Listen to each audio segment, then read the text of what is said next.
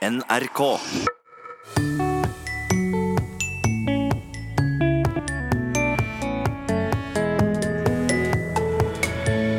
Før hadde vi fjernkontroll. Nå blir det ordene som styrer de tekniske hjelpemidlene våre. Siri, Ja, ring Helle Therese. ringer Helle Therese. Men hva skal til for at duppeditten skal forstå mennesket? Og hvor kommer dette dumme uttrykket 'sikkert som banken' fra, spør lytter. Man ser allerede i eh, gamle tekster fra 1920-tallet, f.eks. i en avisartikkel fra Tidens Krav i 1922, så drev man og gjorde narr av dette uttrykket allerede da. Og det blir flere lytterspørsmål i dagens utgave av Språkteigen. Vi omgir oss med stadig mer avanserte tekniske duppeditter og hjelpemidler. Fjernkontrollen, eksempel, den revolusjonerte medievanene våre, men er nå i ferd med å bli overflødig. Nå er det ordene og stemmestyring som tar over. Men for at ordene skal kunne være til hjelp, så er det én viktig ingrediens som må være til stede. Og det er norske språkdata. Det sier direktør for Språkrådet, Åse Vetås. Og det burde jo gå greit, tenker du kanskje, for språkdata har vi mye av. Men det er en del som gjenstår før kommunikasjonen mellom oss og dingsa går knirkefritt. Jeg bruker stemmen til å ringe opp reporter Helle Therese Kongsrud, som kan mer om saken. Siri, Ja, ring Helle Therese. ringer Helle Therese. Hei, Torunn. Hei! Dette funka, det, vet du. Det er ikke hver gang det går så greit. Er det ikke? Hei, Siri. Hva kan jeg gjøre for deg? Lag notat. Hva vil du at jeg skal stå? Husk å kjøpe med mjølk, brød, kattemat og noe til middag. Jeg opprettet et notat kalt Husk å kjøpe med mjølk, brød, kattemat og noe til middag'. Noe til middag. Jeg vet ikke om jeg forstår. Nei. Du gjør vel ikke det. Så er det da en, definitivt en kjensgjerning at uh, Siri ikke alltid er like flink til å forstå hva vi sier. Og hun er definitivt ikke like flink til å forstå alle de norske dialektene. Erik Bolstad er sjefredaktør i Store norske leksikon. Han lever livet i krysningspunktet mellom ord og teknologi, og der har han bl.a. opplevd at det slett ikke bare er Siri som sliter. Bilen min forstår meg veldig godt, mens ektefellen min, som er fra Bergen, til og med, som jo burde være ganske enkelt å forstå, har langt større problemer med å gi kommandoer til bilen. Det vil også si at en rogalending som prøver å snakke til bilen sin på dialekt, eller til telefonen sin, eller til kjøleskapet sitt om et år eller to, um, så vil ikke kjøleskapet eller bilen eller telefonen forstå hva den rogalendingen sier. Vi har vært inne på den spesielle språksituasjonen vi har i Norge tidligere denne våren. Og det at vi har to skriftspråk, mange dialekter og ingen standardiserte talemål, det spiller faktisk en rolle når det kommer til talestyrt teknologi òg. Det er litt uh, vanskeligere å dekode norsk enn språk der det finnes en fastsatt, korrekt måte å snakke det språket på. Det er vanskeligere, men antageligvis ikke helt umulig. Før vi begynner å nøste opp løsningen, så skal vi finne ut hva vi har med å gjøre.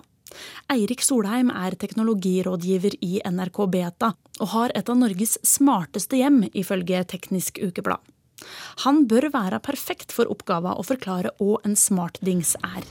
Det jeg forbinder med en smartdings, en som den, da forstår den mye mer enn den forrige. Nå er det jo sånn at vi har fått smarte TV-er, men hvor smarte er de egentlig? Men det de legger i det, er at en smart TV kan litt mer enn den forrige TV-en. Um, og så kan du jo spørre om ja, men om, om fem år når TV-ene kan enda mer, er de blitt megasmarte da, eller hva, hva skal vi kalle de da? Ordet smart teknologi og smarte dingser, smarte høyttalere og smarte støvsugere og smarte alt mulig rart, det har også gått litt inflasjon i det. Så er den jo ikke smart hvis ikke den skjønner hva du sier, du må kunne snakke til den. Og så har det veldig mye å si hva, hva denne dingsen kan finne i bakkant. Ja, og kan de finne i bakkant? Her er en spoiler-alert. Siri er ikke en virkelig person. Hva kan jeg gjøre for deg? Si hallo. Ok. Hallo? Alt som gjør at vi kan prate med henne, Alexa eller noen av de andre, kommer fra kilder som mates inn i systemet. Ord, fraser, definisjoner, grammatikk, bite på bite med data. Og så krydres dette med enda mer teknologi. Eh, en av grunnene til at de er blitt så utrolig mye bedre nå i det siste, er pga. kunstig intelligens og den muligheten vi har til å fòre datamaskinene med masse, masse ord og, og prating. Og så kan datamaskinen lære underveis. Det som er utfordringen eh, med norsk, er jo at det er et mye mindre språk. Vi har mindre datagrunnlag. Jeg vet ikke om jeg forstår. Åse Vetås er direktør i Språkrådet. Tidligere har hun sagt at språkteknologi er like viktig å utvikle som all annen infrastruktur i samfunnet. Hun mener det må være en prioritert oppgave å sørge for at stemmestyring skal kunne brukes ta alle på vårt eget språk. Ja, hvis vi ikke får på plass god norsk språkteknologi, så vil det bli et stort problem for norsk språk. Vi må sikre at norsk òg i framtida er et språk som kan være i bruk på alle samfunnsområder. Hvis vi skal kunne gi brukerne et godt tilbud, hvis det skal være sånn at eh, denne teknologien skal kunne brukes til at eh, folk kan klare seg lenger i sitt eget hjem, at folk skal kunne få hjelp på en annen og kanskje rimeligere måte på sikt enn tidligere, så trenger vi at teknologien forstår det behovet som folk faktisk har. Og da må vi ta utgangspunkt i det språket som folk snakker. Talestyrt teknologi er på den måten direkte knytta opp mot de store utfordringene som vi vet at kommer de neste åra. Derfor er det ikke godt nok at roboter begynner å fungere ganske godt på engelsk. Det trengs en språklig dugnad, mener Språkrådet. Vi trenger en del av det som vi kaller fagspesifikke korpus. Altså tekster, enten muntlige eller skriftlige, som handler om et eller annet spesifikt domene. Altså For at en duppeditt skal kunne snakke helsespråk med brukerne, så er vi avhengige av at det ligger helsespråk inne i de datakildene. Det holder ikke bare med sånn generell konversasjon på norsk. Altså Vi må ha de fagspesifikke ordene og uttrykkene for at disse teknologiske hjelpemidlene skal kunne fungere til spesifikke formål. Erik Bolstad i Store norske leksikon er enig. Han vil nemlig hjelpe ektefellen å få start på bilen sjøl, til tross for bergensdialekta.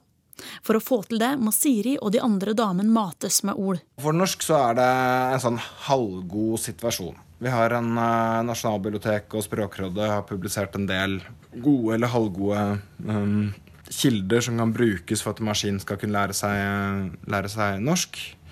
Men de tar jo utgangspunkt i skriftspråk.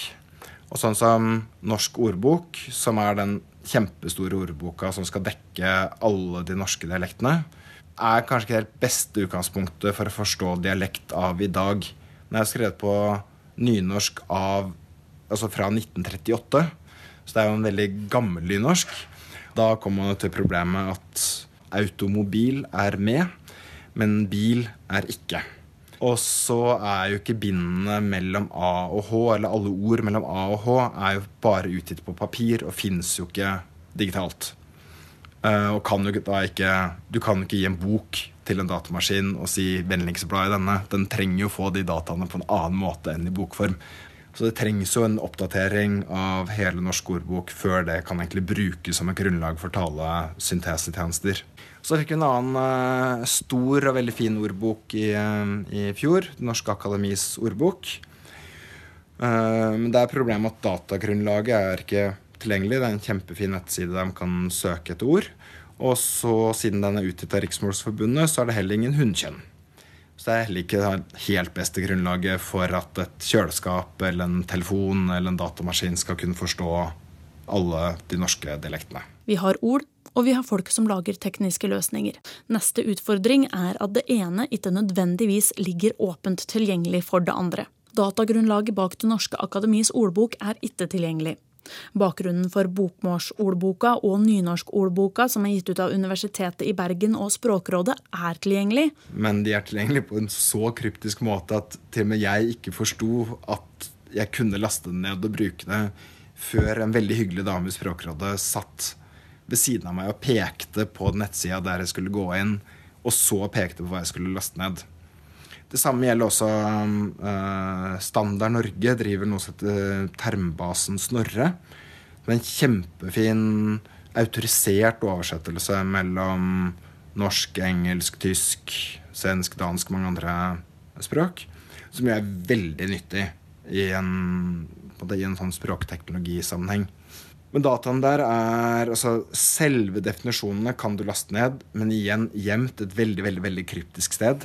Um, mens definisjonen er ikke, er ikke tilgjengelig med mindre du betaler ganske mye og kontakter Standard Norge og inngår en avtale om hvordan du kan bruke dataene.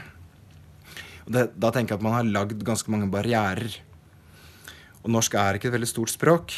Og jeg tenker at hvis vi skal være helt sikre på at kjøleskapene våre og mobiltelefonene våre og biler og PC-er og lenestoler At alle mm, ja, forstår nynorsk. Eller forstår bokmål, eller forstår dialekt. Hvis det skal skje, så må vi gi det gode datakilder, og de må være lette å finne, og de må være lette å forstå og lette å bruke. De etablerte firmaene som jobber med denne typen tekniske løsninger, veit jo hvor dataen ligger.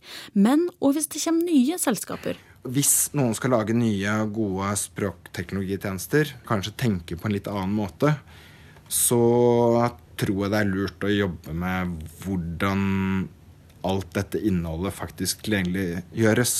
Men hva er det som skal gjøres for at de kildene vi har, skal gjøres mer åpne, da? Det er jo veldig lett å si staten. Men um, staten, eller offentlig Norge, finansierer ganske mange ordlister, f.eks. Jeg mener at det må et krav i absolutt alt som får støtte fra, fra, det offentlige, at det skal ende opp med åpne datakilder i den andre enden. For det er først da vi får gode nok datakilder til at vi kan lage gode tjenester på, på norsk.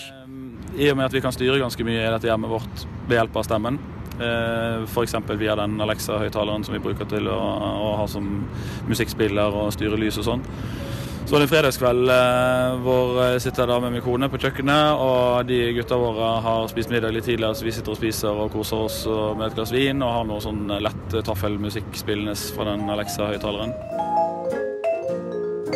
Så kommer 14-åringen eh, forbi, titter inn på kjøkkenet, og så sier han Alexa, play Infinite Power. Alexa, volume 11. Og da sitter vi der altså med dubstep på volum 11. Eh, han må jo ha for å ha litt sånn 2018-humor, eh, han guttungen da. Ja, slik er en fredagskveld hjemme åt eh, Eirik Solheim. Forskere har lenge prata om at hvis vi misforstår hverandre mindre enn 5,5% da kan vi kommunisere. På engelsk og kinesisk begynner de å nærme seg denne grensa. Og sjøl om Eirik Solheim stort sett synes at roboter er artig å ha med å gjøre, så åpenbarer det seg plutselig noen mangler. F.eks. For fordi de ikke hører forskjell på stemmer, og dermed ikke veit hvem som prater åt dem. Merket det var en utfordring når jeg eh, var med i et TV-program og snakket om disse høyttalerne, og vi hadde med en sånn høyttaler i det TV-programmet. Eh, og så sier jeg til høyttaleren i TV-programmet. Den står jo i studio. OK, Google, set the alarm uh, to 15 minutes. Og det som skjer da, er at jeg setter alarmen hjemme hos masse TV-seere som har en Google Home stående ved siden av TV-en sin. Fordi at den gjør ikke noe forskjell. Uh, så de som lytter på P2 som har en sånn uh, nå, fikk plutselig kanskje alarmen satt. Nå sa jeg det vel egentlig feil, for jeg må si 'set a timer'. Så kanskje den rett og slett nå i de tusen hjem sa at det skjønte jeg ikke noe av. Tror du de kommer til å kunne prate norsk, og kanskje dialekter, etter hvert? Ja, det tror jeg faktisk. Eh, og nå er det vel Google som har uttalt at Google Home, som er deres sånn smarte eh, høyttaler, at den kommer på norsk i løpet av året. De sier jo aldri akkurat når, men, eh, men de har sagt at den skal komme på norsk. Og pga. denne kunstig intelligensen og mulighetene som det gir, så tror jeg faktisk at eh, de kommer til å klare det. Dette, og de vil også bruke Når de kommer i gang, så kan det godt hende at ikke de er så veldig gode med en gang, men så vil de jo bruke all Jo mer du prater med den, jo flinkere blir den til å forstå. Nå er det sånn at uh, Akkurat i Norge så er vi heldige med at de aller fleste er ganske gode til å snakke engelsk, og, og den oppvoksende generasjonen blir enda bedre til å snakke engelsk. Men det er faktisk viktig at disse dingsene lærer norsk. Hvis vi skal bruke de eh, i hele befolkningen, så er det ikke sånn at alle er gode nok i engelsk. Og det kommer an på hva du skal si til den. Og så merker jeg at det faktisk det er lavere ters, ville vært lavere terskel hvis jeg kunne snakket norsk. Det føles litt underlig å stå der hjemme og plutselig begynne å snakke engelsk. Selv om, eh, om vi bruker disse høyttalerne innimellom, så, så vil det nok hjelpe om de snakker norsk. Det sier jo litt når sjøl terskelen blir litt høyere for deg. Ja, jeg skulle jo tro at for meg ville det være helt naturlig å stå alene på kjøkkenet og snakke med en eller annen uh, liten rund høyttalerdings, men jeg merker at det er litt sånn det, Man skal bli vant til det. Hva er meningen med livet, Siri? Jeg synes det er rart at du vil spørre en livløs gjenstand om det. Stemmestyring gir altså ikke svaret på riktig alt. Reporter Helle Therese Kongsrud.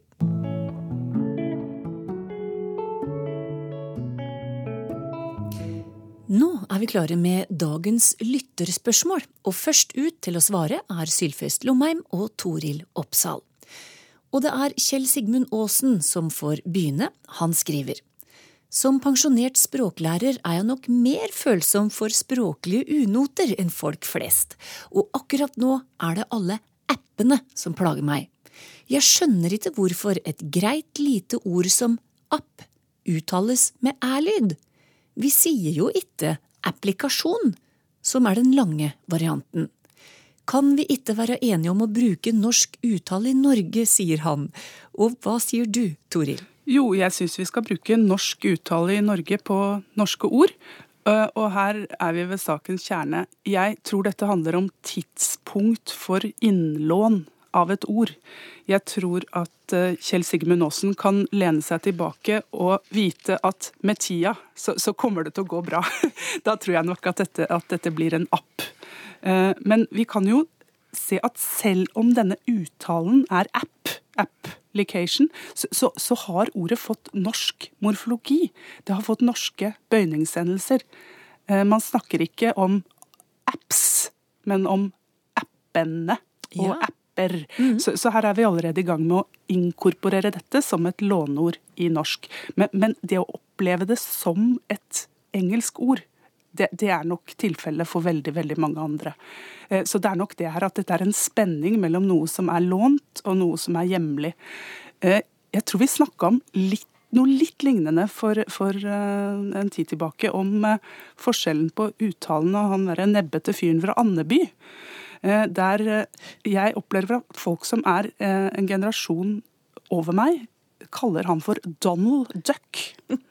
Men, men, for meg har han alltid vært Donald Duck. Ja. Uh, og dette har jo ingenting med Duck som i and å gjøre inni mitt hode. Uh, fordi dette, her, dette, har kommet og blitt. Nå, nå, er dette, nå, er dette, noe. Noe som er mitt og norsk. Og da vil jeg ikke finne på å uttale dette som application. Så, så, så det er nok en beslekta sak, dette her. Nei, når det gjelder han eh, Donald Duck, så er nok jeg de som er over deg, Tore.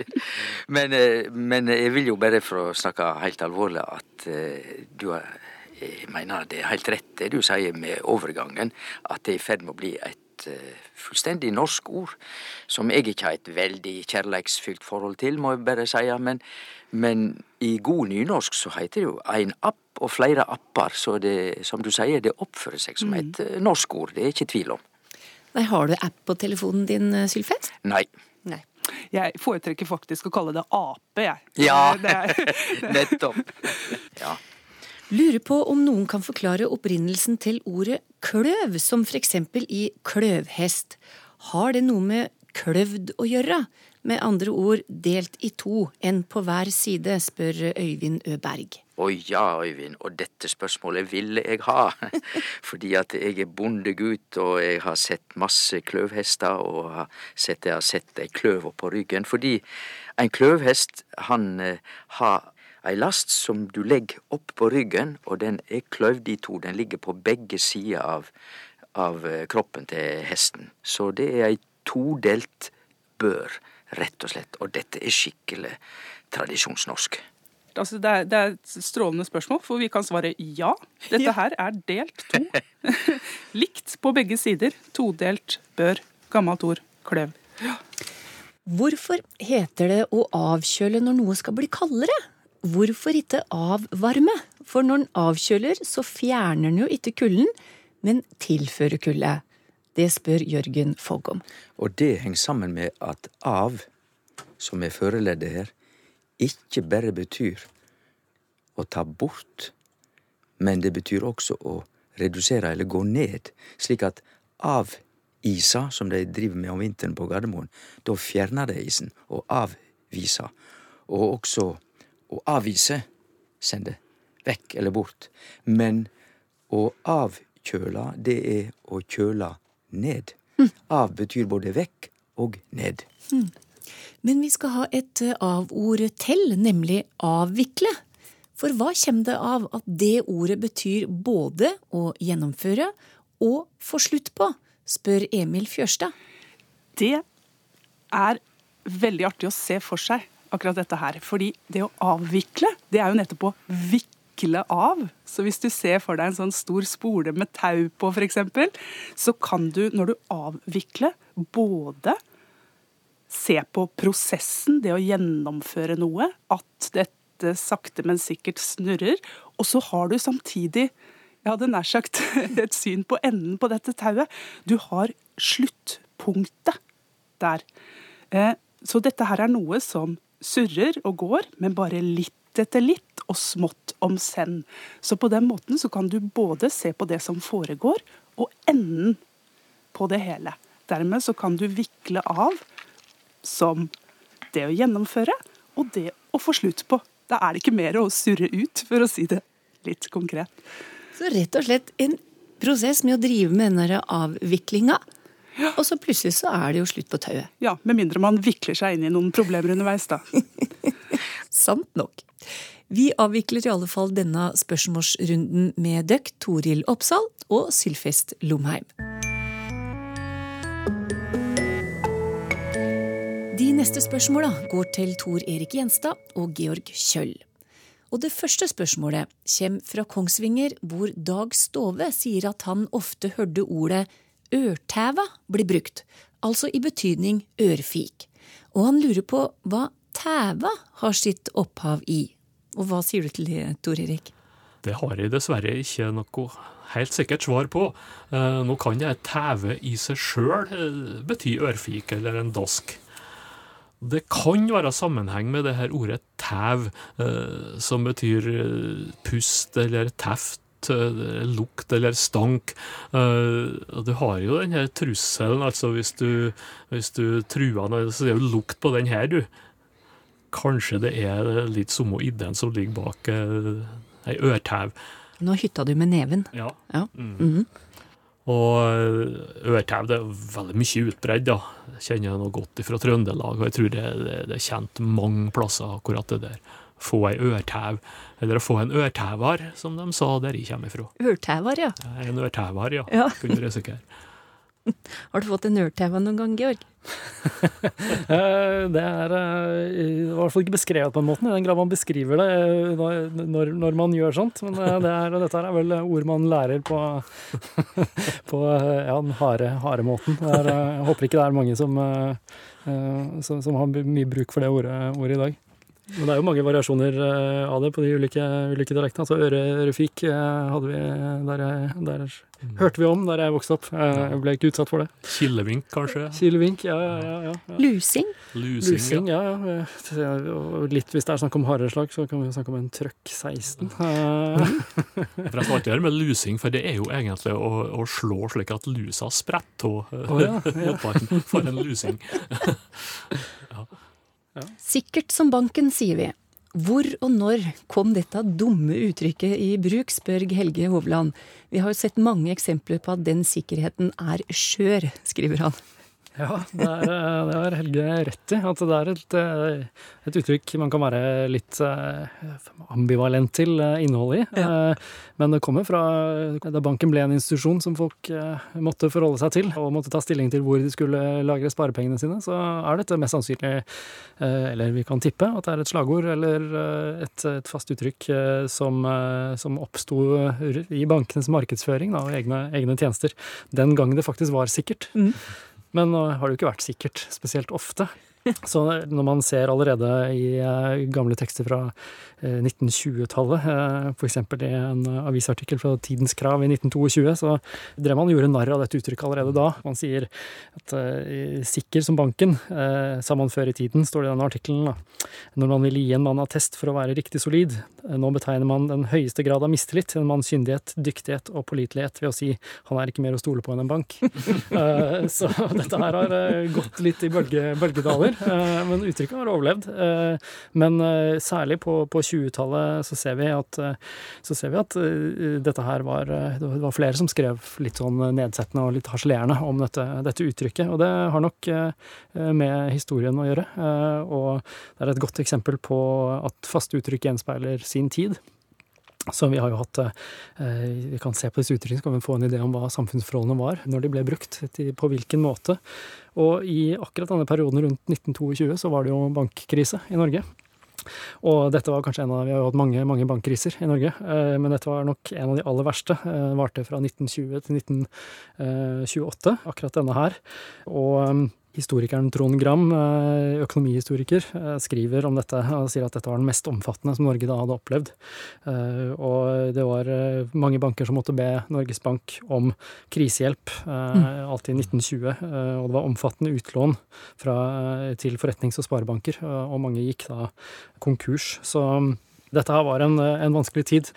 Og så gikk det, etter, etter at man kom over denne kneika, så gikk det 60 år igjen før man fikk en ny systemkrise. Og kanskje i denne perioden så ble uttrykket litt mer etablert. Det kom tilbake og etablerte seg på Jeg nytt. gjorde en litt, til lite eh, Jeg fikk en eh, liten opp, oppsving ettersom eh, folk da begynte å stole på bankene igjen. Um, og så kom jo bankran for fullt en periode, og da var det jo, da var det jo ille igjen, da. Så, da. så det hadde vært litt morsomt som et sånn forskningsprosjekt å, å se hva er valøren i dette uttrykket over tid, og hvor tett sammenfaller det med, med ja, disse bankkrisene. Og nå er, det jo, nå er det jo nesten ikke bankran eh, igjen, så, så nå er det jo eh, kanskje systemsvikt og ID-login som ikke går riktig og sånn, som kan føre til at et uttrykket får en negativ valør igjen. Men eh, kanskje det, er, eh, kanskje det blir mer positivt hvis, vi, hvis vi ser på det. Hvis noen, har lyst til å, eh, hvis noen har lyst til å gjøre det systematiske jobben med å forske på det, så tror jeg det er veldig, veldig artig. Ja, det var interessant å registrere at det var oppfatta som et gammelt uttrykk allerede tilbake i eh, krisa på 20-tallet. Ja.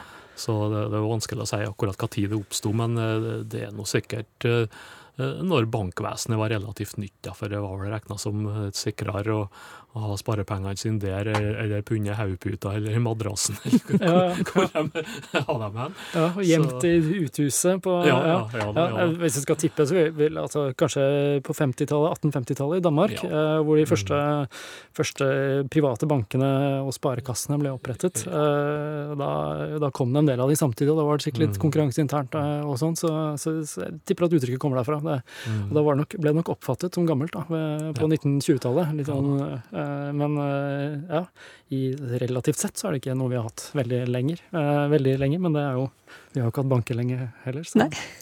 Det er jo alternativ her, vet du. Sikkert som lås, og sikkert som amen i kirka. Så det, det er jo en del konkurrenter til det. Ja, og akkurat den sikker som amen i, i, i kirka ble oppgitt som synonym i, mm. Nettopp når man skulle forklare dette uttrykket i de gamle ordbøkene fra, Mhm. på 1800-tallet. Men eh, det er jo eh, det er kanskje enda mer uh, ugjennomsiktig, uh, nå som folk ikke går i kirka lenger. Så Nei, ja, jeg tror, jeg tror nok sikkert som banken lever, uh, lever i beste velgående Mm. eh, enn så lenge. Mm. Takk til dere, Georg Kjøll og Tor Erik Gjenstad. Sikkert er det òg at Språkteigen er slutt for i dag. Husk at vi altså har ny sendetid i sommer. Vi starter klokka 8.30. Og reprise av Språkteigen får du både tirsdager 6.03 og lørdager 15.30. Ha det bra!